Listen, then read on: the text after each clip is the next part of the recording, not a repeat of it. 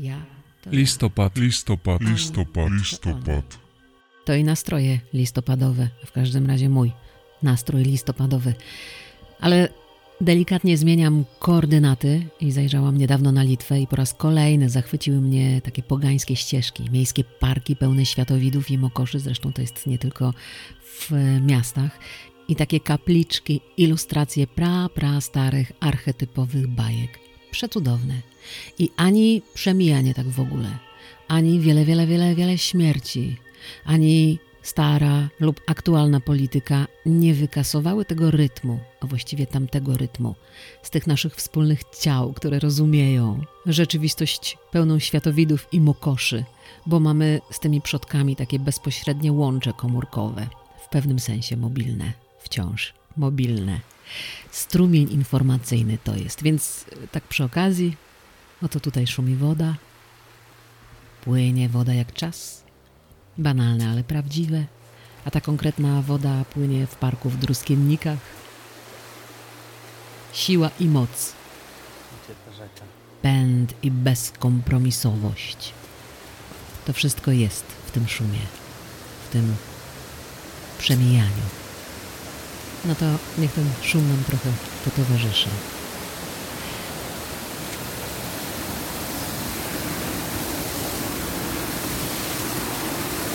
I podczas tej mojej krótkiej wycieczki stanęłam naprzeciwko drewnianej rzeźby pięknej kobiety na takiej edukacyjnej ścieżce pełnej rzeźbionych, fantastycznych zresztą postaci. I moją uwagę przyciągnęła ta piękna kobieta, rzeźba, przed którą stałam i się gapiłam, bo czas sprawił, że głowa jej pękła, no chyba ze zdziwienia nad tą współczesnością. A na wysokości serca wyrosła jej zgrabna, biała chuba.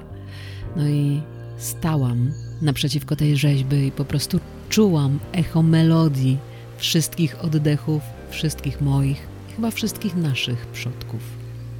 To dopiero był niezwykły szum. I pomyślałam sobie, że oto świat został rozłupany na pogańskie baśnie i twardy realizm w posypce z religii, którejkolwiek zresztą z oficjalnych.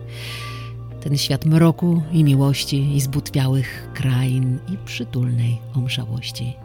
I patrzyłam w oczy każdej z tych rzeźb, mających w sobie więcej życia niż... No i tutaj muszę się ugryźć w język i połknąć krople prawdziwej krwi. Świat rozłupany, i tak czytałam ten świat pomiędzy wierszami, no a konkretnie pomiędzy szczelinami, bo ta pęknięta głowa pięknej drewnianej rzeźby, pięknej drewnianej kobiety miała taką dużą szczelinę, taką pustą przestrzeń, przez którą oglądałam krajobraz za nią. Jeziorko bardzo spokojne, ścianę lasu, mokre jesienne liście spadające z zasypiających powoli drzew. Bardzo to wszystko było spokojne i kujące. I wtedy zrozumiałam chyba każdą z historii tych drewnianych istot, każdym centymetrem mojej skóry rozumiałam, że to ma naprawdę bardzo dużo sensu.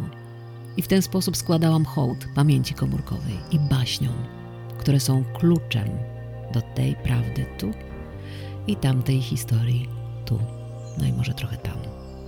Więc patrzyłam na te drewniane postaci, archetypowe charaktery z legend i baśni, którym pozwolono być z nami aż do teraz, chociaż e, odebrano baśniom ich najprawdziwsze znaczenia. Trzeba się bardzo, bardzo długo dokopywać do serca tamtego świata, ale jak się człowiek dokopie, to oho. Przy okazji można trafić na początek istnienia własnej linii rodowej w jakimś sensie, bo my jesteśmy częścią linii rodowej, a te linie zaczynają się w tamtym świecie, gdzie te drewniane postaci nie były takie drewniane. I na tej edukacyjnej ścieżce na Litwie, niedaleko granicy z Polską, poczułam się jak kropka nad i, siadając na ławce przypominającej smoka. I teraz taka rzecz najważniejsza, najbardziej listopadowa sprawa, bo te pogańskie legendy ciągle tak trochę uczą, bawią, zwracają uwagę na coś innego i tłumaczą.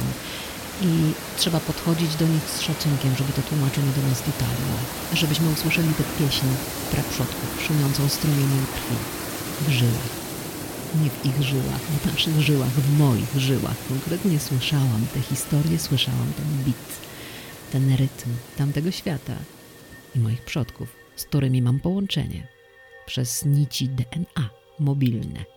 Pogańscy nieświęci, tak chętnie rzeźbieni i pokazywani w różnych miejscach, w różnych litewskich zakątkach. To prawdziwe cienie dawnych, prawdziwych ludzi. To są takie drogowskazy na wyjątkowo ciekawej i nieoczywistej trasie, po której porusza się moje ciało w czasie.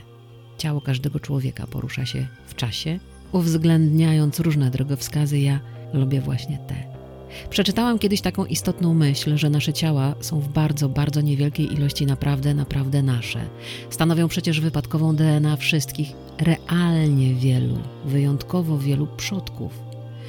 No to popatrz, jak zbudowane jest drzewo genealogiczne. Gdyby można było tak dorysować czy dopisać tych nieznanych przodków, to trzeba by było drzewo genealogiczne jeszcze powiększyć milion razy i wtedy ono wyglądałoby na takie, jakie w rzeczywistości, w tej przestrzeni przez nas niepoznanej, ale wydarzonej już kiedyś jest. Z tego wielkiego drzewa, z tych gałęzi różnych żyć i przeżyć składa się moje ciało. Te historie, opowieści, strachy, radości dziedziczone są po przodkach, w tym DNA. Całe sterty cudzych sposobów na życie – próbujemy wyekstrahować jakoś, albo uważamy je za własne, no bo z dziada, pradziada i tak dalej, i tak z szacunkiem dla starszych. Emocje, oceany myśli, które nie są nasze, bierzemy za nasze.